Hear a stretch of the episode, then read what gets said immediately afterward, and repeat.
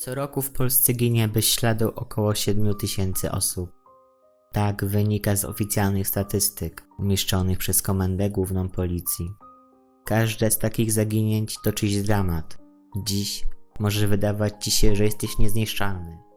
Jutro ty lub ktoś z twoich bliskich może stać się jedną z takich 7 tysięcy osób. Prowadząc kanał o tematyce zagadek kryminalnych, nie sposób jest, aby ominąć wątek najgłośniejszej sprawy w Polsce, jaką było zaginięcie Iwony Wieczorek Sopotu. 17 lipca 2010 roku. To właśnie tą datę zna już chyba każdy z nas. Właśnie wtedy doszło do jednego z najgłośniejszych zaginięć w Polsce. Po raz pierwszy zwrócono wtedy też medialną uwagę na problem, jakimi są zaginięcia. Iwona Wieczorek od 10 lat jest osobą zaginioną. 19-letnia maturzystka Sopotu wracała do domu z dyskoteki. O czwartej nad ranem została nagrana jeszcze przez monitoring miejski przed zejściem na plażę numer 57.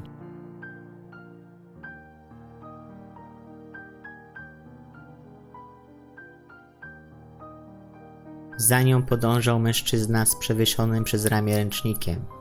To właśnie on stał się pierwszym głównym podejrzanym. Lipcowy poranek nie był już skąpany w mroku. Zaczynało być jasno, a ulice miasta nadal tętniły życiem. Dlatego to zaginięcie jest jedną z najbardziej zagadkowych spraw w dziejach współczesnej policji. To były pierwsze dorosłe wakacje Iwony Wieczorek. Właśnie ukończyła szkołę. Złożyła też papiery do kilku uczelni na Politechnikę i Uniwersytet Gdański. Najbardziej zależało jej jednak na studiowaniu stosunków zagranicznych w Akademii Marynarki Wojennej w Gdyni. Iwona Wieczorek miała też w planach rozpoczęcie kursu prawa jazdy. Przekomarzała się ze swoją matką, również Iwoną, że weźmie wtedy od niej wysłużonego punciaka, a mama kupi sobie nowszy model. Iwona Kinda, matka Iwony Wieczorek, prowadziła swój salon fryzjerski przy potocznie zwanym Monciaku. W sezonie letnim biznes kwitł najbardziej.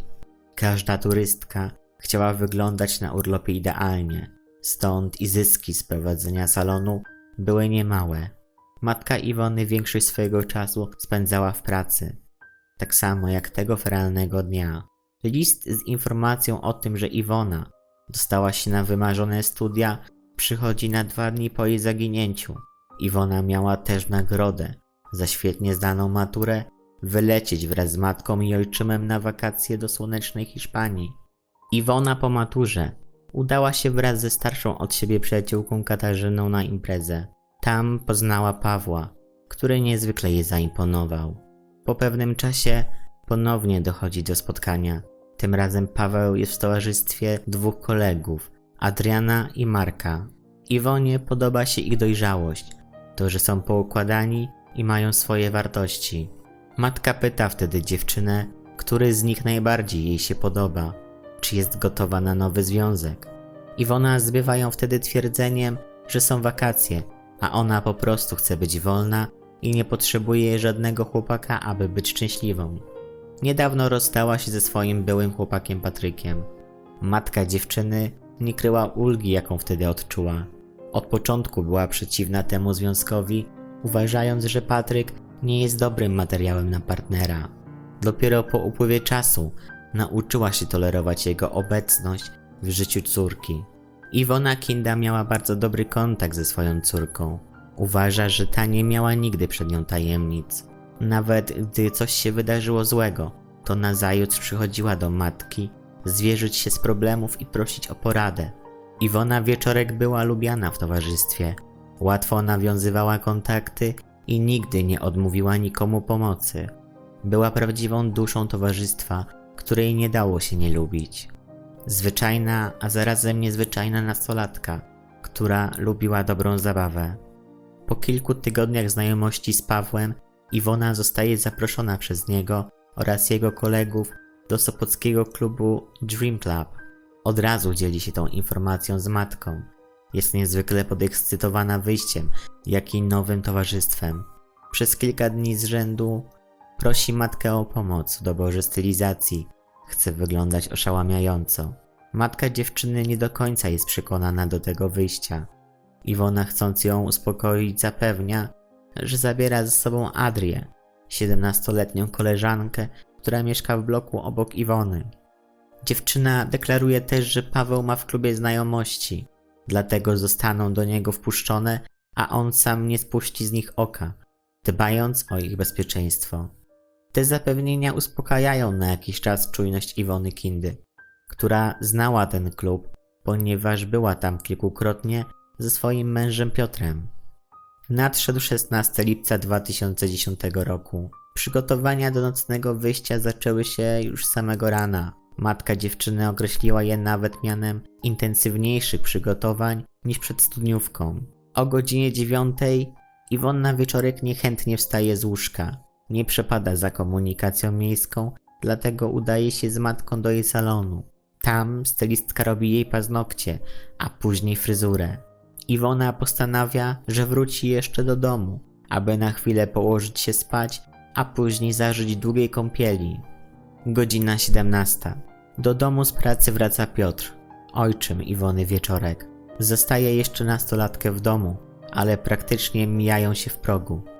Iwona ma ze sobą torbę sportową, prostownicę, aby poprawić starannie ułożoną fryzurę oraz naręcze ubrań. Iwona Wieczorek do matki dzwoni po upływie czasu, mówiąc, że na noc zostaje u Adri, która mieszka w sąsiednim bloku. Iwona jest podekscytowana.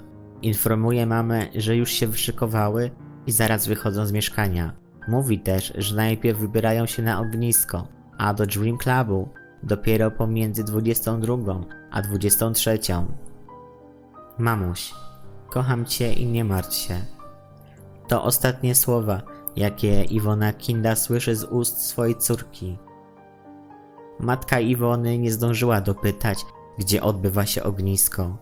Dopiero po zaginięciu otrzymała informację, że odbyło się ono na ogródkach działkowych obok domku babci Pawła. Iwona Kinda wraca z pracy po 21.30. Jest wykończona. Jedyne o czym myśli to o kolacji i kąpieli. Aby szybciej zasnąć, bierze pół tabletki środka nasennego. Chce jak najszybciej zasnąć, ponieważ na drugi dzień ma już od 8 rano umówione klientki. Piotr Kinda przebudza się w nocy. Jest między trzecią a czwartą nad ranem. Nie mógł dłużej spać. Dlatego poszedł do salonu, aby obejrzeć coś w telewizji. Ta noc jest upalna, dlatego przez otwarte okno słyszy głos Adri, która kilkukrotnie woła imię Iwona. Jest przekonany, że nastolatki właśnie wróciły do domu, dlatego wraca do sypialni i przybudza żonę. Mówi jej wtedy, że słyszał dziewczyny, żeby się nie martwiła i spała spokojnie. Jak się później okazało, to co usłyszał Piotr Kinda było tylko próbą rozmowy telefonicznej Adri, która usiłowała dodzwonić się do Iwony. Niestety, telefon dziewczyny był już wyłączony. O 6.30 budzik budzi Iwonę Kindę. Kobieta wstaje i kieruje się w stronę kuchni, aby zrobić sobie śniadanie. Zauważa wtedy brak swoich nowych szpilek, których nie miała jeszcze okazji założyć. Jest wściekła na córkę, ponieważ mogła je zniszczyć na imprezie. Nie zważając na porę, dzwoni do Iwony. Niestety, włącza się tylko poczta głosowa. Przed godziną ósmą rano rozbrzmiewa dźwięk telefonu stacjonarnego. Odbiera Piotr. Po drugiej stronie słuchawki odzywa się głos Katarzyny. Początkowo prosi o Iwonę do telefonu. Piotr woła zatem żonę. Po chwili okazuje się, że nie o tą Iwonę chodziło, rozmówczyni. Piotr Kinda odpowiada wtedy, że Iwona nocuje u Adri. Katarzyna jest zaskoczona, ponieważ jak twierdzi, była umówiona z Iwoną wieczorek na siatkę plażową o 8 rano, a dziewczyna wcale się nie zjawiła. Jest to pierwszy niepokojący sygnał. Iwona Kinda zdziwiła się słysząc te informacje. Jakim cudem jej córka mogła umówić się o tak wczesnej porze na plażę, po całonocnej imprezie? Zwykle po takich wypadach spała nie wcześniej jak do południa. Najbardziej niepokojące było to, że koleżanki dla Iwony to była świętość. Mogła spóźnić się z powrotem do domu, ale nigdy na spotkanie z nimi. Nigdy też nikt nie dzwonił tak wcześnie do Iwony, a już zwłaszcza na numer stacjonarny.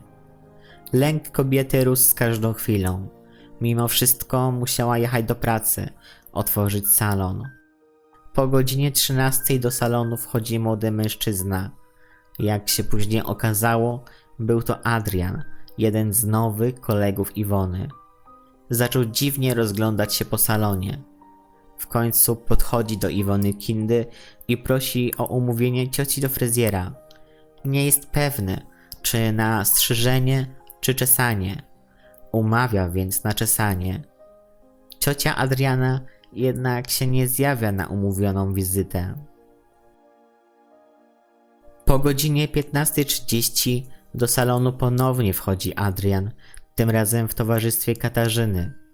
Matka Iwony od razu rozpoznaje chłopaka. Dowiaduje się wtedy po raz pierwszy, że jej córka zaginęła. Katarzyna powiedziała też, że Iwonie chyba coś się stało, ponieważ nie wiedzą gdzie jest. Pada hipoteza, że Iwona wieczorek mogła udać się do domu babci w Gdyni.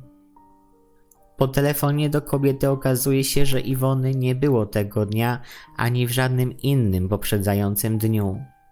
Adrian dopiero wtedy przyznaje, że wcześniej nie przyszedł umówić cioci na wizytę u fryzjera. Chciał rozejrzeć się za Iwoną, czy przypadkiem nie jest w salonie u matki. Rozpoczynają się gorączkowe poszukiwania. Na początek sprawdzają każdą z ulic w Sopocie, następnie Molo, na Monciaku i na promenadzie. Iwony ani śladu po niej nigdzie nie ma. Katarzyna i Adrian dopiero w tym momencie mówią o tym, że o godzinie trzeciej w nocy doszło do kłótni w Dream Clubie pomiędzy Iwoną a jej znajomymi. Nikt nie jest jednak w stanie powiedzieć, czym spowodowana była awantura. Po zajściu w klubie nastolatka postanowiła, że wraca sama do domu. Nie miała przy sobie pieniędzy na taksówkę, dlatego podjęła decyzję o powrocie pieszo. Ta informacja była szokująca dla matki Iwony. Znała swoją córkę i wiedziała, że jest to dla niej nienaturalne zachowanie. Iwona Kinda dzwoni do swojego męża Piotra, informując o zaginięciu córki. Mężczyzna stara się uspokoić żonę, żeby nie histeryzowała, bo Iwona zaraz się znajdzie. Te słowa nie uspokajają jednak kobiety. Prosto z miasta idzie na posterunek policji zgłosić zaginięcie. Funkcjonariusz odbierający zgłoszenie zbywa ją, twierdząc, że to pewnie jedna z namiętności nastolatki. Wyszumi się i wróci do domu, a o całej sprawie zapomną. Po upływie jakiegoś czasu na posterunek policji przychodzą wszyscy, z którymi w realnej nocy bawiła się Iwona Wieczorek. Adrian, Marek, Adria i Paweł. Dopiero po godzinie 22, po usilnych naciskach Iwony Kindy, inny funkcjonariusz policji spisuje protokół zaginięcia. Matka nastolatki czuje się wykończona. Jest wściekła na postawę policjantów, którzy potraktowali ją jak intruza. Po wyjściu z komendy wszyscy decydują się na to, aby pojechać do mieszkania Iwony Kindy. Tam dołącza do nich kuzynka pani Iwony oraz matka Adri. Do późnych godzin nocnych próbują ustalić, co mogło się wydarzyć. Nikt z zebranych nie potrafi jednak rzeczowo wytłumaczyć powodów kłótni oraz decyzji Iwony Wieczorek o samotnym powrocie do domu. Katarzyna przyznaje, że nie była na tej imprezie. Dopiero po czasie matka Iwony otrzymuje informację od policji, że poranny telefon od Katarzyny był blefem. Dziewczyny nie były umówione na siatkę. To Paweł poprosił Katarzynę o telefon do domu rodziny wieczorków, aby sprawdzić, czy Iwona jest w domu. Choć Paweł i Iwona podobno pokłócili się o błahostkę, Zastanawiającym było, dlaczego już od samego rana rozpoczął usilne poszukiwania. Dlaczego nie uznał, że nastolatka może odsypiać imprezę, a założył od razu wersję, że coś musiało się wydarzyć. Paweł stał się osobą najbardziej aktywną w poszukiwaniach. To on zawiadywał całą akcją. Jeździł po wszystkich miejscach, szukał kamer miejskiego monitoringu. Matce Iwony przeszło nawet przez myśl, że może on się zakochał w jej córce, dlatego tak usilnie walczy o odnalezienie dziewczyny. Gdy Paweł dwoi się i troi w poszukiwaniach, Adrian i Marek wykonują jedynie jego polecenia. Sami nie wychodzą z żadną inicjatywą. 18 lipca 2010 roku. Po godzinie 14 wszyscy wpadają na pomysł, aby rozwieszać w Sopocie kartki ze zdjęciem Iwony Wieczorek. Początkowo drukowane są na domowej drukarce. Dopiero później ciotka Iwony organizuje kolorowe plakaty. Paweł w tym czasie załatwia komunikat w telewizji Gdańsk. Redakcja robi to bezpłatnie, przez trzy dni wyświetlając komunikat wraz z numerem telefonu matki zaginionej dziewczyny. Telefon rozbrzmiewa niemal od razu. Każda z osób twierdzi, że widziała Iwonę wieczorek, każda w innym miejscu. Rodzina informuje policję i na własną rękę bada każdy z tropów, jednakże żaden z nich nie prowadzi do rozwiązania zagadki. Piąty dzień poszukiwań. Pada pomysł, aby wynająć prywatnego detektywa. Jest to inicjatywą Pawła. Niestety, większość z lokalnych biur detektywistycznych jest na wyjazdach urlopowych, natomiast ci, którzy zostali, oferują swoją pomoc za 4000 zł dziennie. Matki Iwony na to nie stać, jest coraz bardziej załamana. Paweł rzuca wtedy nazwisko Krzysztofa Rutkowskiego. Zanim ktoś zdążył wykonać ruch, on już wykonywał połączenie. Biuro detektywistyczne Krzysztofa Rutkowskiego prosi o kontakt za pół godziny. Wtedy dzwoni już matka Iwony Wieczorek. Detektyw Rutkowski zjawia się w Sopocie następnego dnia. Wszyscy, którzy do tej pory byli zaangażowani w poszukiwania, spotykają się w hotelu, gdzie zameldował się Krzysztof Rutkowski. Po krótkiej rozmowie z Adrianem, Markiem i Pawłem, Krzysztof Rutkowski nie ma wątpliwości. Stwierdza, że z całą pewnością Iwona Wieczorek nie żyje, a jedynym pytaniem jest, kto doprowadził do jej śmierci. Świat matki Iwony zawalił się w tym momencie. Dłużej nie była w stanie trzymać emocji na wodzy, wpadając w histeryczny płacz.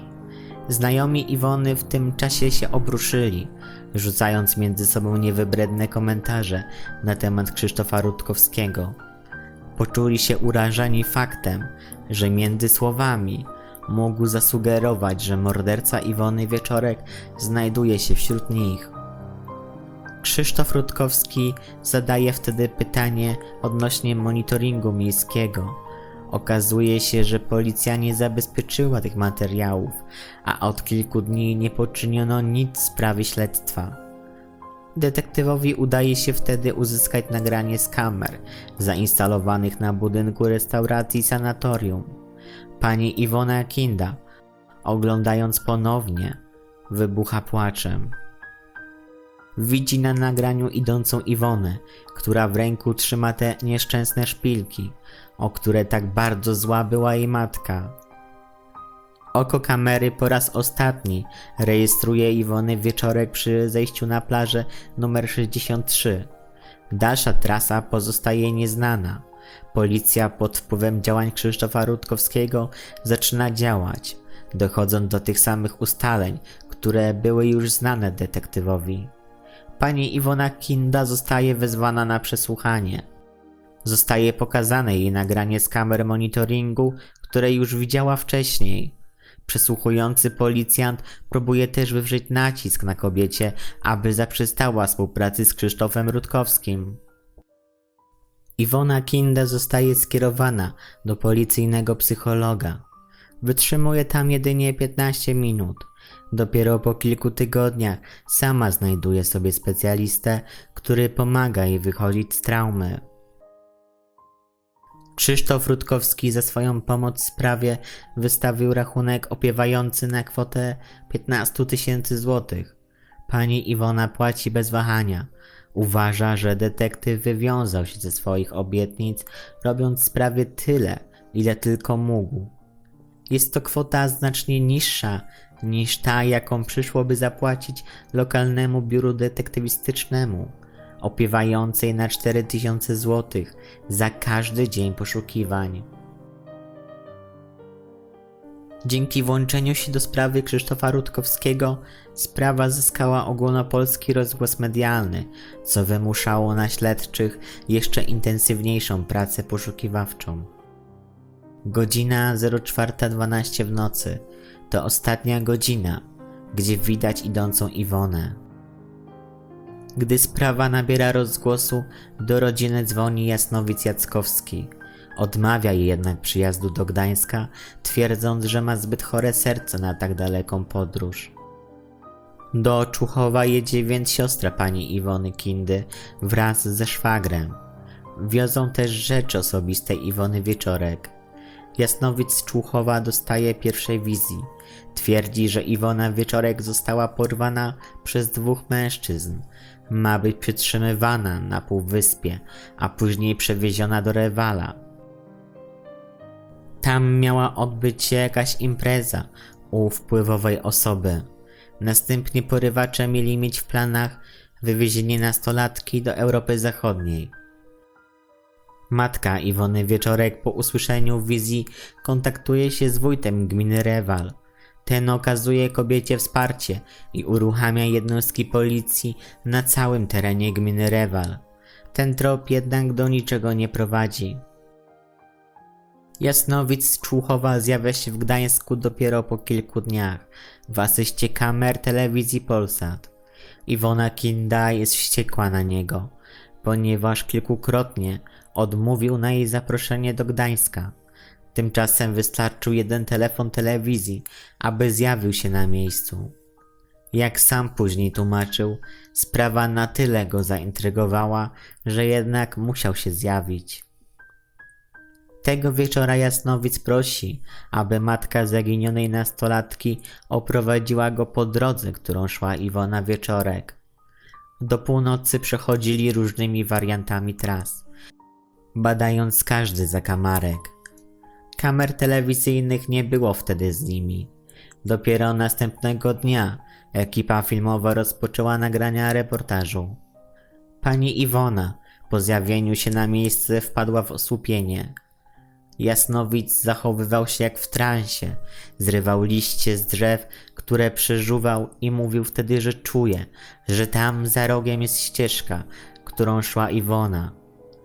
Matka dziewczyny widząc to wpada w furię, ponieważ dzień wcześniej sama pokazała Jasnowidzowi tą ścieżkę, odtwarzając scenę z powrotu Iwony wieczorek do domu.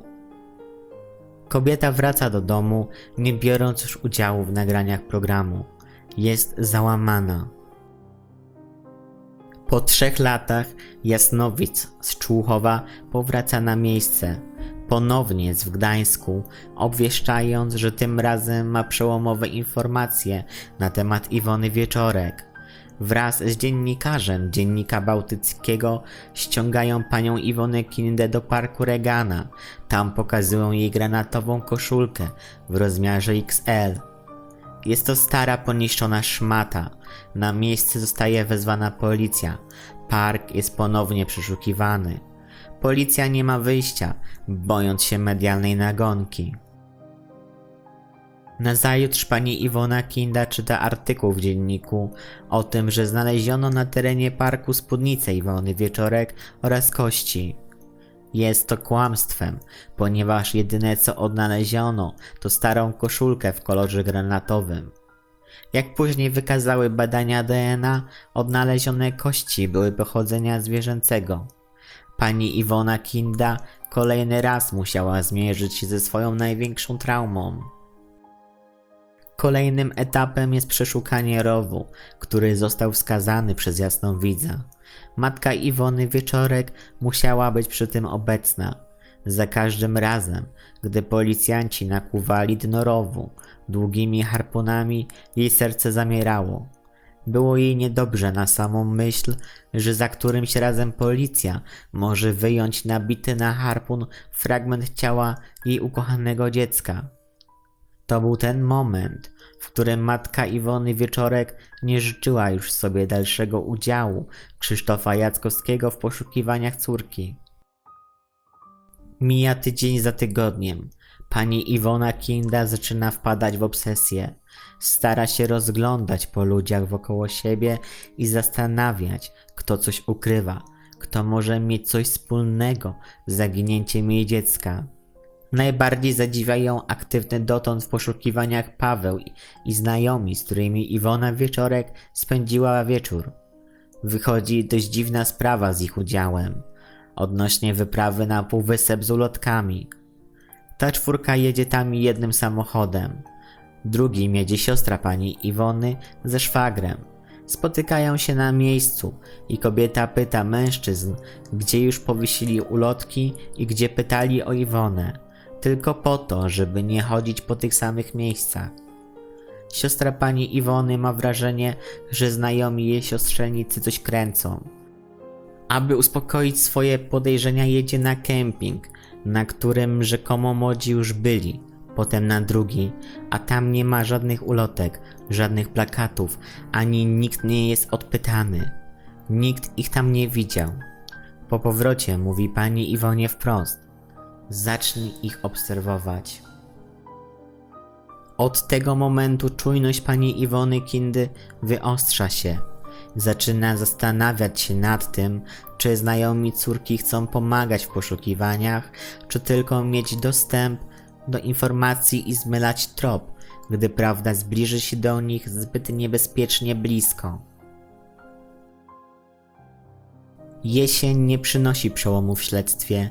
Nadal nieznane są personalia mężczyzny w Bermudach, ani mężczyzny z ręcznikiem. Choć tego lipcowego poranka było wiele osób na zewnątrz, nikt nic nie słyszał ani nie widział. Matka Iwony Wieczorek jest za to nękana telefonicznie przez wielu oszustów.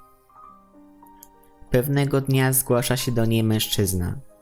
Pani Iwona Kinda otrzymuje od niego zdjęcie córki. Jej serce zamiera.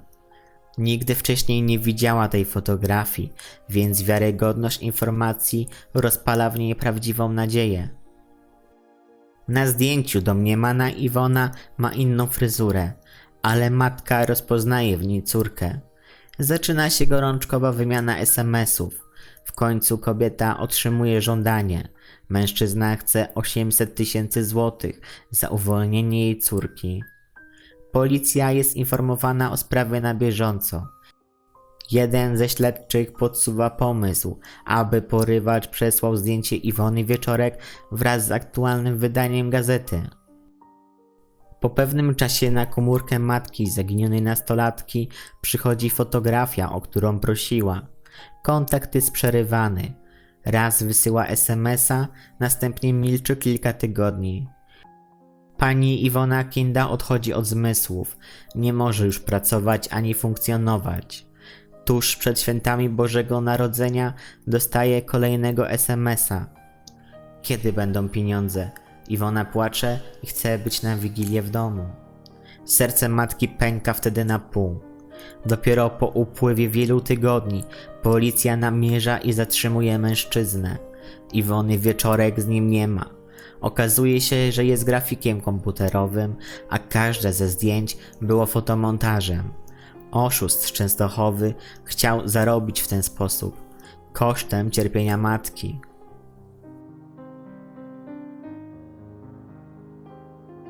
Kobieta ma też ogromny żal do dziennikarzy faktu. Na łamach gazety zamieszczono obszerny artykuł opisujący tortury, jakie zadawano Iwonie wieczoraj przed śmiercią. Cała historia była zmyślona tylko po to, aby podnieść wyniki sprzedaży tabloidu. Nikt nie myślał wtedy o tym, co czuje matka, gdy czyta o bestialskich cierpieniach własnego dziecka. Kolejnym dziennikarzem, którego pani Iwona Kinda nigdy nie zapomni, jest Sylwester Latkowski. Dziennikarz odwiedził kobietę w Gdańsku. Rozmowa trwała raptem 15 minut. Jakiś czas później na łamach magazynu Wprost ukazuje się artykuł, który kreuje rodzinę Iwony Wieczorek na osoby powiązane ze środowiskiem mafijnym. Samą Iwonę też opluwa w swojej publikacji, sugerując, że była osobą do towarzystwa dla bogatego biznesmena. Policja poleca pani Iwonie, aby pozwać Latkowskiego oraz wprost. Kobieta odpuszcza jednak sobie batalię sądową, ponieważ odnalezienie córki jest dla niej jedyną priorytetową sprawą. Śledztwo rusza z miejsca dopiero gdy sprawę od komendy w Sopocie przejmuje policja i prokuratura z Gdańska. Dopiero wtedy znajomi Iwony zostają wezwani na przesłuchanie. Po kilku miesiącach zostają wezwani ponownie, tym razem na badanie wariografem. Paweł jako jedyny odmawia zgody na przeprowadzenie badania. Zmienia zdanie dopiero po trzech miesiącach. Jest to wystarczający czas, aby przygotować się do takiego badania. Jak wiadomo, wyniki z badań nie wnoszą nic nowego do sprawy. Mimo to matka Iwony Wieczorek jest przekonana o tym, że nowi znajomi córki mają bardzo wiele spraw do ukrycia. Tak naprawdę wynik badania zależy od zadanego pytania. Jeśli jest źle sformułowane, organizm nie wykaże żadnej reakcji. Ponieważ nie dochodzi do kłamstwa, a jedynie niepełnej odpowiedzi. Kolejnym niepokojącym sygnałem jest to, że jeden z mężczyzn zgłosił w tym samym czasie co zaginięcie rozbicie samochodu, ale szukanie teraz tego samochodu i śladów w nim nic by nie dało. Trzeba było to robić wtedy, gdy Iwona Wieczorek zaginęła. Matka Iwony Wieczorek stara się nikogo nie oskarżać. Zaznacza tylko, że nigdy nie przestanie szukać. Lipiec 2020 roku. Fundacja na tropie po 10 latach powraca do sprawy zaginionej Iwony Wieczorek. Teraz konkretnie, szukając już ciała. Po 10 latach ma dojść do przekopania dwóch terenów, na których może być pogrzebane ciało nastolatki. Dlatego powróćmy do początku. Powróćmy do 17 lipca 2010 roku. Jest to dokładny zapis wydarzeń, które wydarzyły się tego dnia. Jest to złożenie zeznań kilku niezależnych świadków, złożone w jedną spójną całość. W nocy z 16 na 17 lipca 2010 roku, wzburzona po kłótni ze znajomymi, w Sopockim Dream Clubie Iwona Wieczorek wychodzi z klubu. Jest wściekła i nie ma ochoty. Jest wściekła i nie ma ochoty na to, aby z kimkolwiek rozmawiać. Do domu chce wracać pieszo, ponieważ nie ma przy sobie wystarczającej gotówki, aby zamówić taksówkę. Bateria w jej telefonie jest już prawie na wyczerpaniu. Na zewnątrz jest już jasno, dlatego nie boi się iść deptakiem. Poprzedniego wieczora pożyczyła od mamy nowe szpilki, które nigdy nie były jeszcze używane.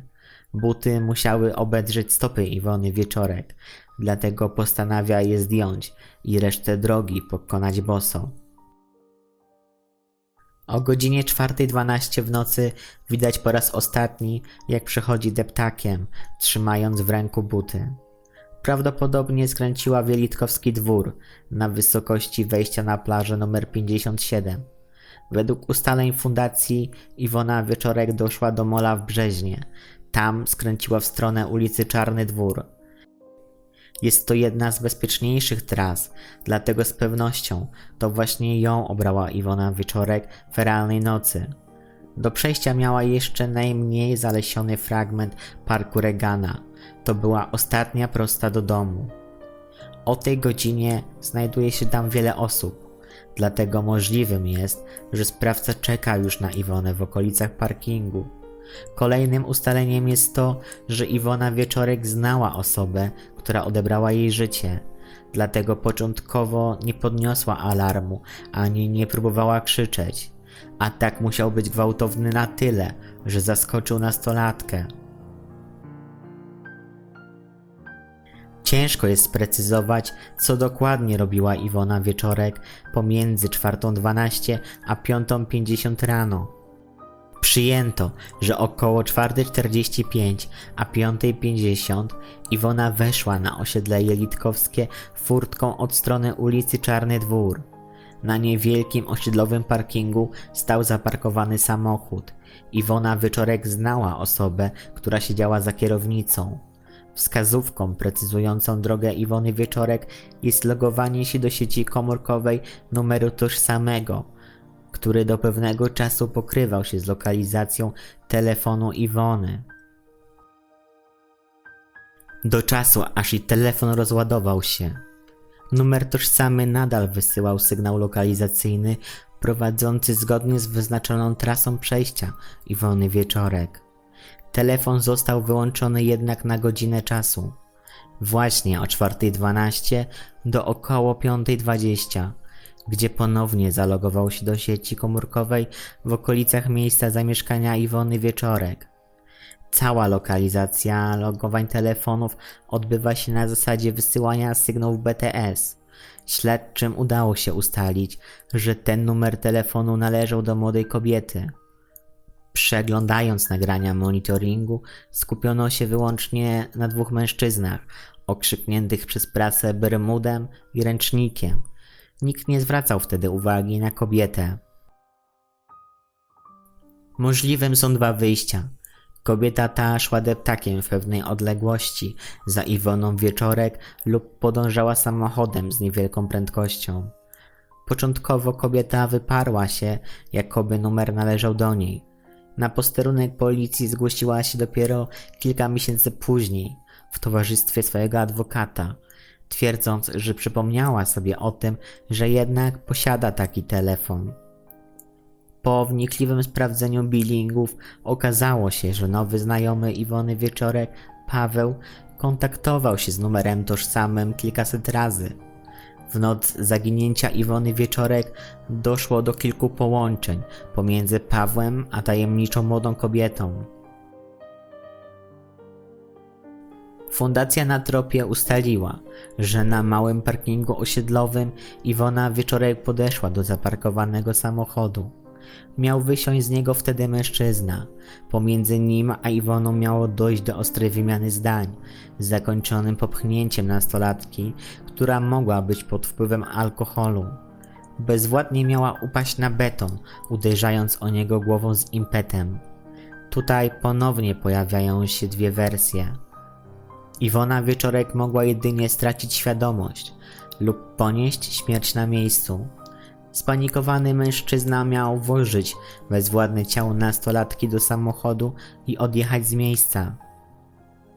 Fundacja na tropie określa, że odjechał około 1,5 kilometra, kontaktując się po drodze z osobą, która pomogła mu w ukryciu zwłok. Jednak ta wersja nie do końca tłumaczy późniejsze zeznania innych świadków. Rejony stawu przy ulicy Obodrzyców w Sopocie. To tutaj prawdopodobnie swój finał miała sprawa zaginięcia 19-letniej Iwony Wieczorek. W poszukiwaniach nastolatki brał udział znany wykładowca szkoły policyjnej w Szczytnie, osoba z ogromnym dorobkiem naukowym. Gdy dotarł na miejsce w terenach stawu, doznał czegoś, co można by przyrównać do wizji. Usilnie wskazywał, że w obrzeżach stawu zakopane jest ciało Iwony Wieczorek. Policjanci, którzy byli na miejscu, potraktowali to w taki sposób, że profesor poczuł się urażony, wycofując się z dalszych poszukiwań. Do tematu Iwony Wieczorek nie chce powracać do dziś. Uważa ten rozdział za zamknięty w swoim życiu. Być może odkrył wtedy coś, co przestraszyło go na tyle, aby już nigdy nie poruszać tego tematu. Pokrywa się to też ze znaniami kobiety, która chce pozostać anonimowa. 17 lipca nad ranem, około godziny 5, usłyszała z werandy swojego mieszkania w Sopocie wołanie o pomoc. Głos, który usłyszała, nie brzmiał jak głos dojrzałej kobiety. Przypominał bardziej głos nastolatki, około dwudziestoletniej. Kobieta wyjrzała wtedy z werandy, zaniepokojona rozpaczliwym błaganiem o pomoc. Zauważyła wtedy, że na ulicy Obrońców Westerplatte stoi mężczyzna, który ostentacyjnie się w nią wpatruje. Określiła go typem Włocha, południowca. Był szczupły i średniego wzrostu, wieku około 30 lat. Ubrany był w czarną skórzaną kurtkę i kapelusz. Kobieta usłyszała też wtedy, że ktoś biegnie, jakby uciekał boso. Odgłosy przypominały jej bardziej drobną kobietę niż postawnego mężczyznę. Po chwili na ulicy zatrzymał się z piskiem opon samochód. Drzwi otworzyły się, a po chwili zatrzasnęły. Wtedy też po raz ostatni usłyszała kobiece wołanie o pomoc. Samochód odjechał. Kobieta jest przekonana, że młoda dziewczyna, której krzyk ją obudził, nie odjechała tym samochodem dobrowolnie. Gdy sprawa Iwony Wieczorek stała się głośna, kobieta od razu zgłosiła poranne zajście na posterunku policji w Sopocie. Niestety, nikt wtedy nie zareagował. Kobietę przesłuchano w charakterze świadka dopiero po kilku latach od zdarzeń z feralnej nocy.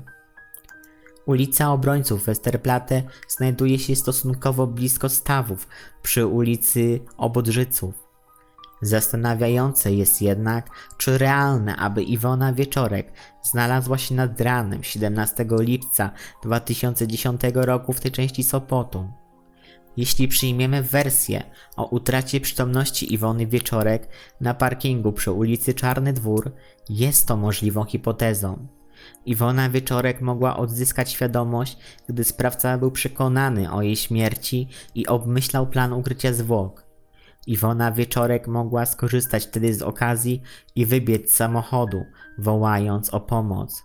Hipotetycznie jest to możliwe. Możliwym jest też, że została przewieziona później na tereny ogródków działkowych w rejonach ulicy Halera i Płażyńskiego w Gdańsku. 15 lipca 2015 roku na wniosek Janusza Szostaka prokuratura okręgowa w Gdańsku wydała postanowienie o przeszukaniu wskazanych przez niego ogródków działkowych celem zweryfikowania informacji dotyczących ewentualnego ukrycia zwłok Iwony Wieczorek. 19 lipca 2016 roku między godziną 9 a 16 zaplanowano przeszukanie tych terenów.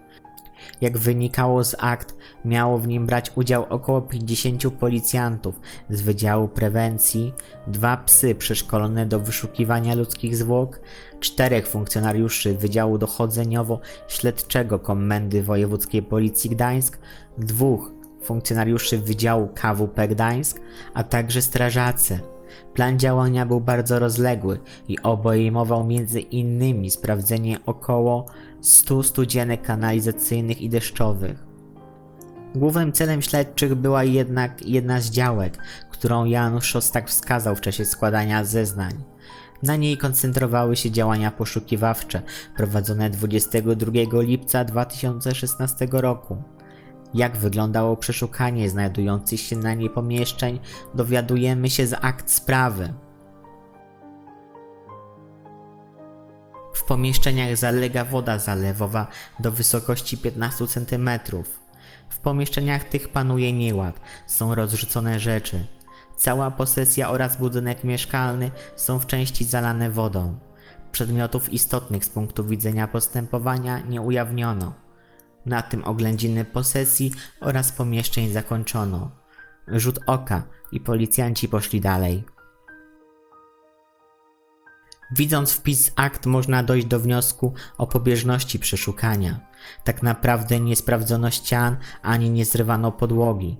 Cała czynność operacyjna zakończyła się jedynie na odnotowaniu obecności wody w pomieszczeniach i tyle. W protokole znajdują się strzępkowe informacje z przeszukania na terenie tej posesji. Nie ujawniono śladów w czasie oględzin pomieszczeń, nie znaleziono szamp, zbiorników wodnych i tym podobnych. Wypompowano natomiast wodę z oczka wodnego oraz przekopano niewielki fragment działki na głębokości najwyżej metra. Pobrano próbki ziemi z kilku miejsc, które przekazano do laboratorium. Jednak mimo, że od tego momentu minęło kilka lat, nie wiadomo jaki jest wynik badań. Przesłuchano jednak Wandę Esz, która użytkuje tę działkę. Jednak starsza pani twierdzi, że nic nie wie o Iwonie Wieczorek i nigdy o niej nie słyszała. Janusz Szostak przekazał jednak śledczym, że jakąś wiedzę o zaginionej może mieć wnuczek pani Wandy, Jarosław Esz, który na tej działce przez pewien czas mieszkał. Informacje te potwierdziła również Wanda Esz. W aktach nie ma jednak żadnego protokołu z przesłuchania Jarosława Esz, co wskazuje jednoznacznie, że śledczy nie podjęli nawet takiej próby. 27 lipca 2016 roku dokonano oględzin garażu oraz sąsiedniej posesji położonej obok ogródków działkowych Wandy Esz w celu ujawnienia ewentualnych śladów krwawych, jak zapisano w protokole. Garaż ten został wskazany przez Janusza Szostaka jako miejsce, gdzie mogła być przetrzymywana Iwona Wieczorek.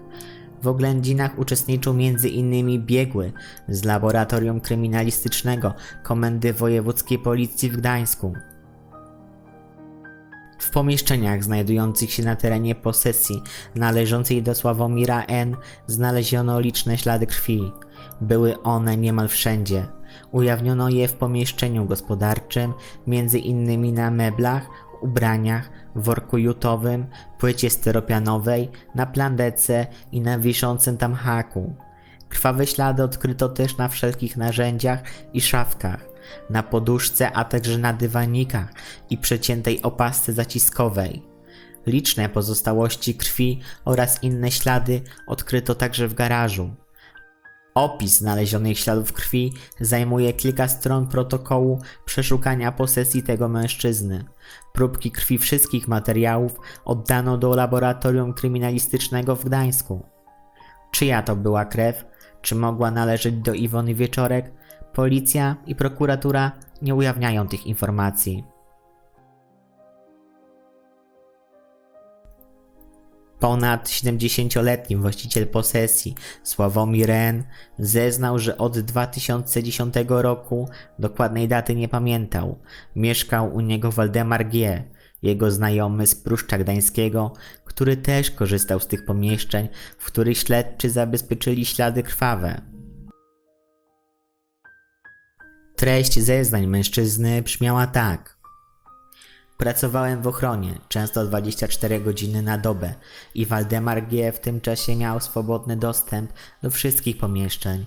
To był mój kolega, więc mu ufałem. Garażu nie używałem od dawna, bo nie mam już samochodu. Uważam, że na mojej posesji nigdzie nie powinno być śladów krwawych. Nie przypominam sobie, aby Waldemar G.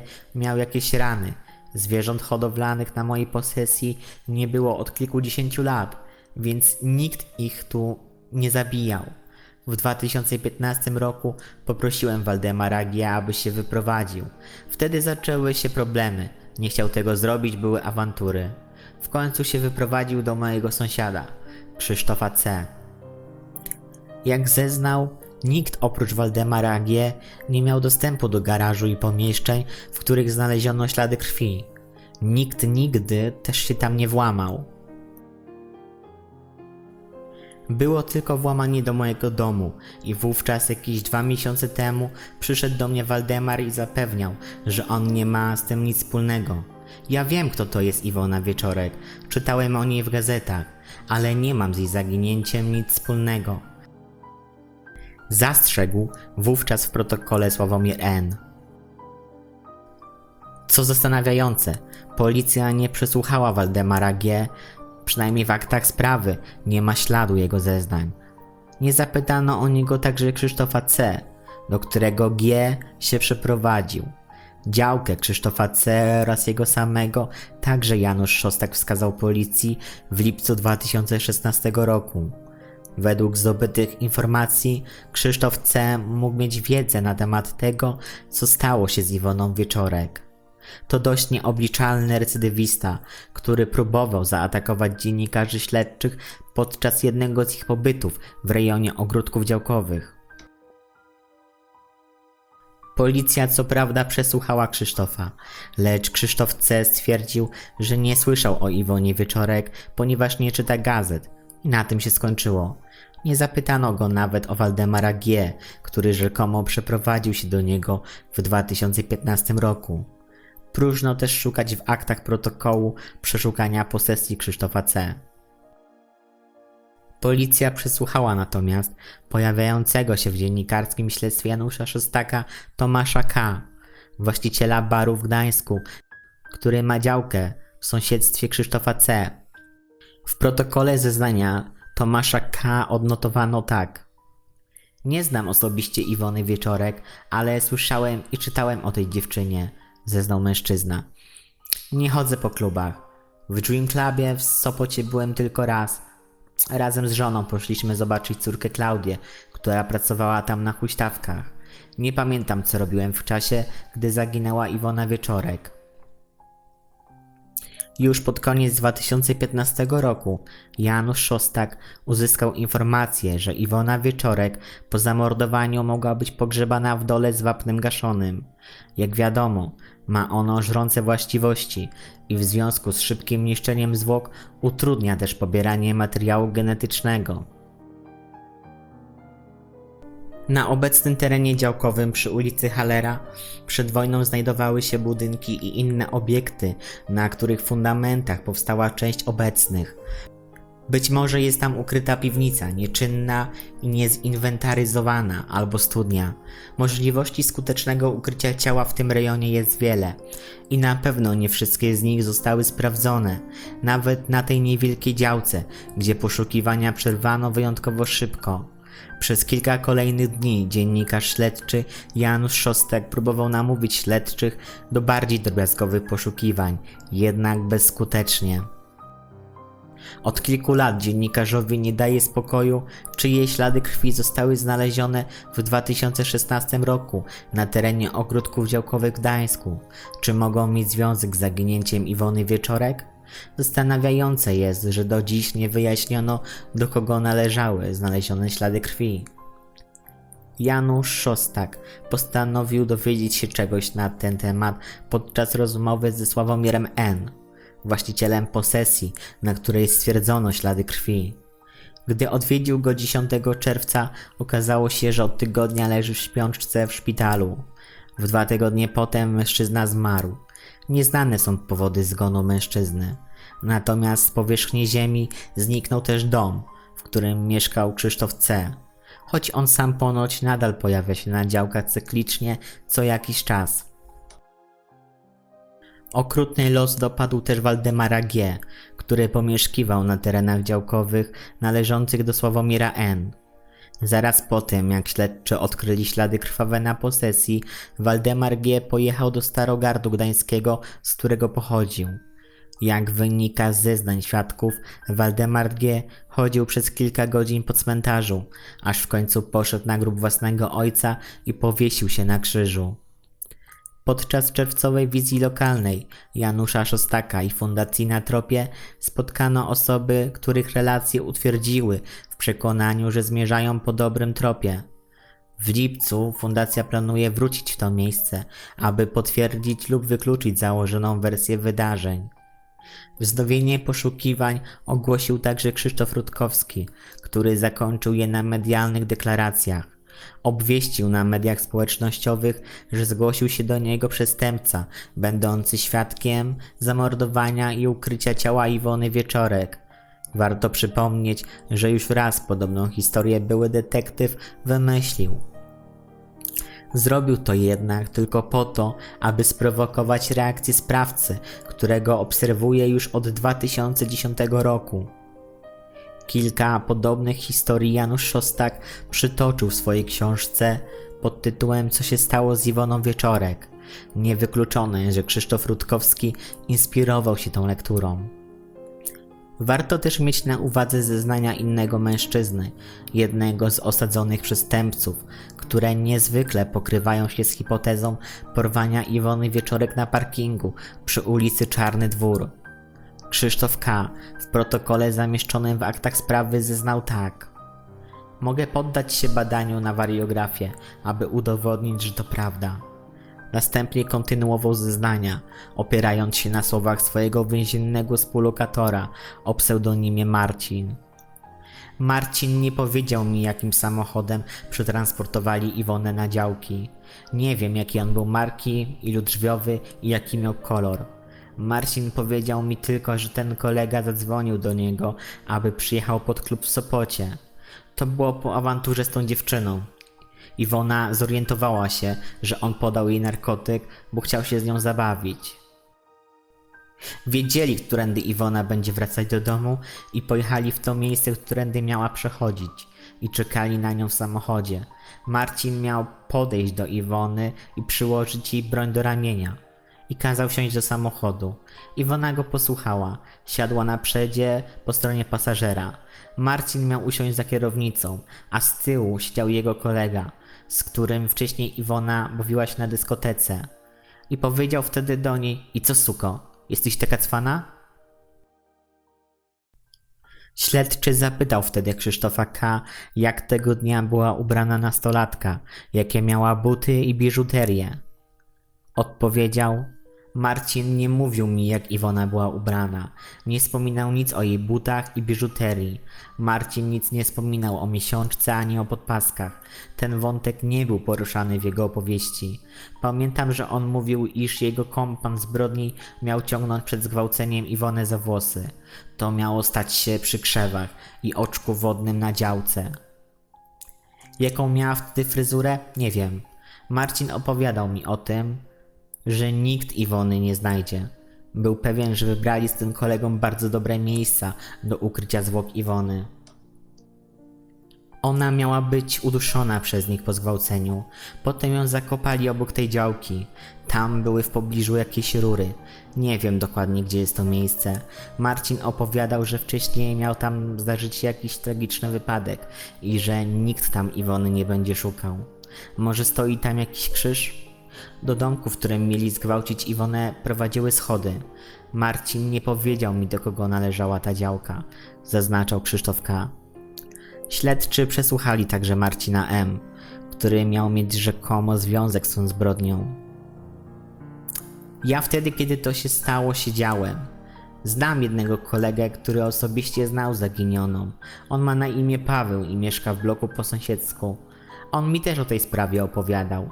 Znał ją, więc powiedział, że Iwona lubiła się zabawić. Spotykali się na imprezach zaginioną.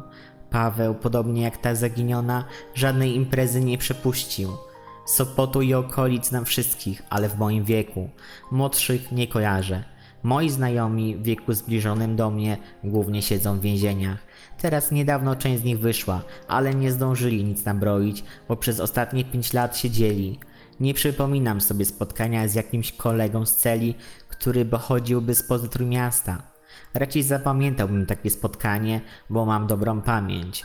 Tym bardziej, że takie sytuacje zdarzają się sporadycznie, zapewniał Marcin M. Potwierdziło się, że w czasie zaginięcia Iwony Wieczorek Marcin M. przebywał w areszcie śledczym w Gdańsku, co wyklucza jego ewentualny udział w zbrodni. Nie oznacza to jednak, że do opisanych zdarzeń i spotkania z Krzysztofem K. nie mogło dojść. Być może Marcina M. poniosła fantazja i postanowił przypisać sobie udział w porwaniu, aby zaimponować kumplowi czyjeś zasłyszane czyny.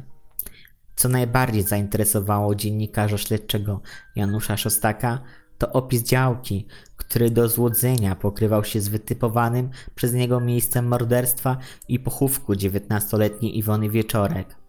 Pod koniec lipca mają odbyć się przekopywania terenów, w których z ogromną dozą pewności spoczywają szczątki zaginionej maturzystki. Również niewykluczone jest to, że ciało zostało dwukrotnie przenoszone z miejsca pochówku.